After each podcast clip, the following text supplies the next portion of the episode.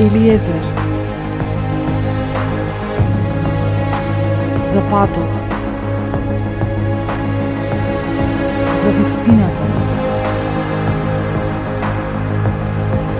За живот.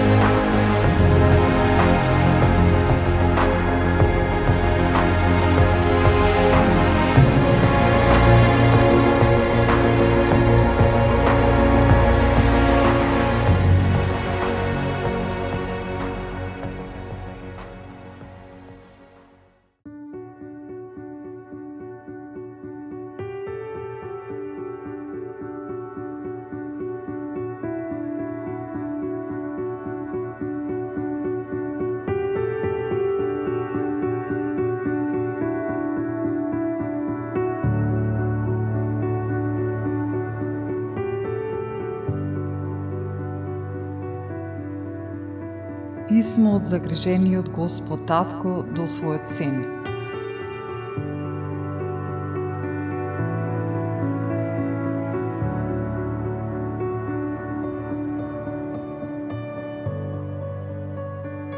Сине мој, може би не ме познаваш, но јас знам се за тебе. Знам кога ќе седнеш и кога ќе станеш. Јас сум запознаен со целиот твој живот. Дури влакната на твојата глава се изброени, зашто си направен според мојата слика. Во мене живееш и се движиш, и ти си моето потомство. Те познавам уште пред да се зачнеш. Те избрав кога планирав создавање. Не си грешка, затоа што сите твои денови се напишани во мојата книга. Јас го утврдив точното време на твоето раѓање, каде што живееш. Ти си преубав и прекрасно направен. Те вметна во утробата на твојата мајка.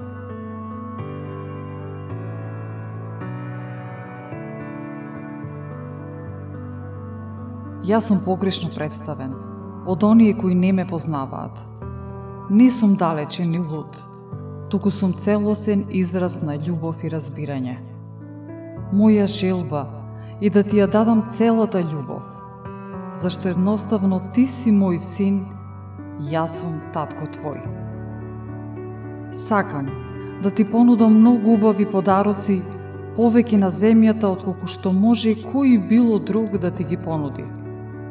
Зашто те сакам. И јас сум совршен татко и секој добар подарок што ќе го добиеш доаѓа од мојата рака. Јас сум Господ Татко, кој обезбедува и сакам сите твои потреби да ти ги обезбедам.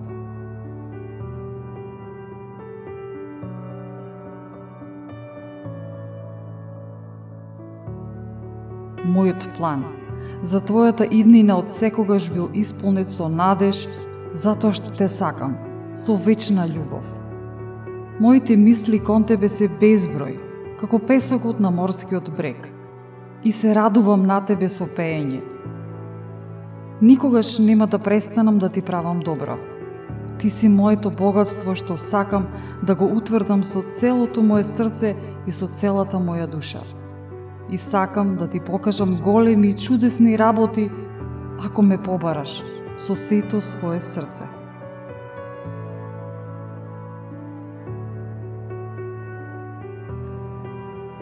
Ти најмило мое дете. Ке најдеш само светлина во мене. Јас ќе ти ги исполнам желбите на твоето срце. Бидејќи јас сум тој кој ти ги дава тие желби. Јас сум во можност да направам повеќе за тебе отколку што би можел да замислиш. Бидејќи јас сум твојата најголема храброст.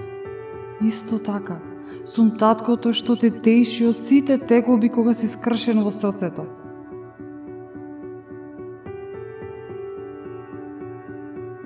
Еден ден Ки ја избришам секоја солза од твоите очи и ке ти ја одземам целата болка што ја претрпуваш на овој свет. Јас сум твојот татко и те сакам, исто како што го сакам мојот син Исус. Зашто во Исус ја открив мојата љубов кон тебе. Еве ја точната представа. Тој дојде да покаже дека не сум против тебе и да ти кажам дека не ги бројам твоите грешки и гревови. Исус умре за да можеме ти и јас да се помириме со неговата смрт. Ете, тоа беше крајниот израз на мојата љубов кон тебе. Се откажав од мојот единороден син Исус, кога беше на крстот, само да бидеш ти заедно со мене и со него. Се што сакам и да ја добијам твојата љубов и да имаш живот вечен. Само и само ако го прифатиш мојот подарок, спасението преку покаяние во Син ми Исус Христос. За да ме примиш и ништо повеќе да нема да не раздели од преголемата моја љубов. ако го прифатиш мојот син Исус Христос за твој спасител и Господ, тогаш добре дојде дома, мој најмил сине, зашто беше загубен и те пронајдов. Беше мртов и те оживеав. Јас ја приготвувам најголемата забава на небото за тебе, најмило моје дете, што некогаш сум ја видел, само да си дојдеш дома – Од секогаш сум бил татко и секогаш ќе бидам. Моето прашање до тебе е, дали ќе бидеш повторно мое дете?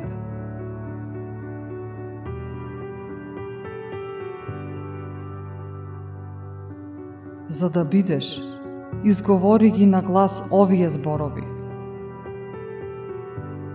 Господи Исусе, се покајувам за моите гревови Те признавам за мој Господ и Спасител. Дојди во мојот живот, преземи го и направи нешто со него. Ти благодарам, Господи Исусе, за крвта. Со преголема радост и љубов те чекам. Твојот татко, се Господ Бог.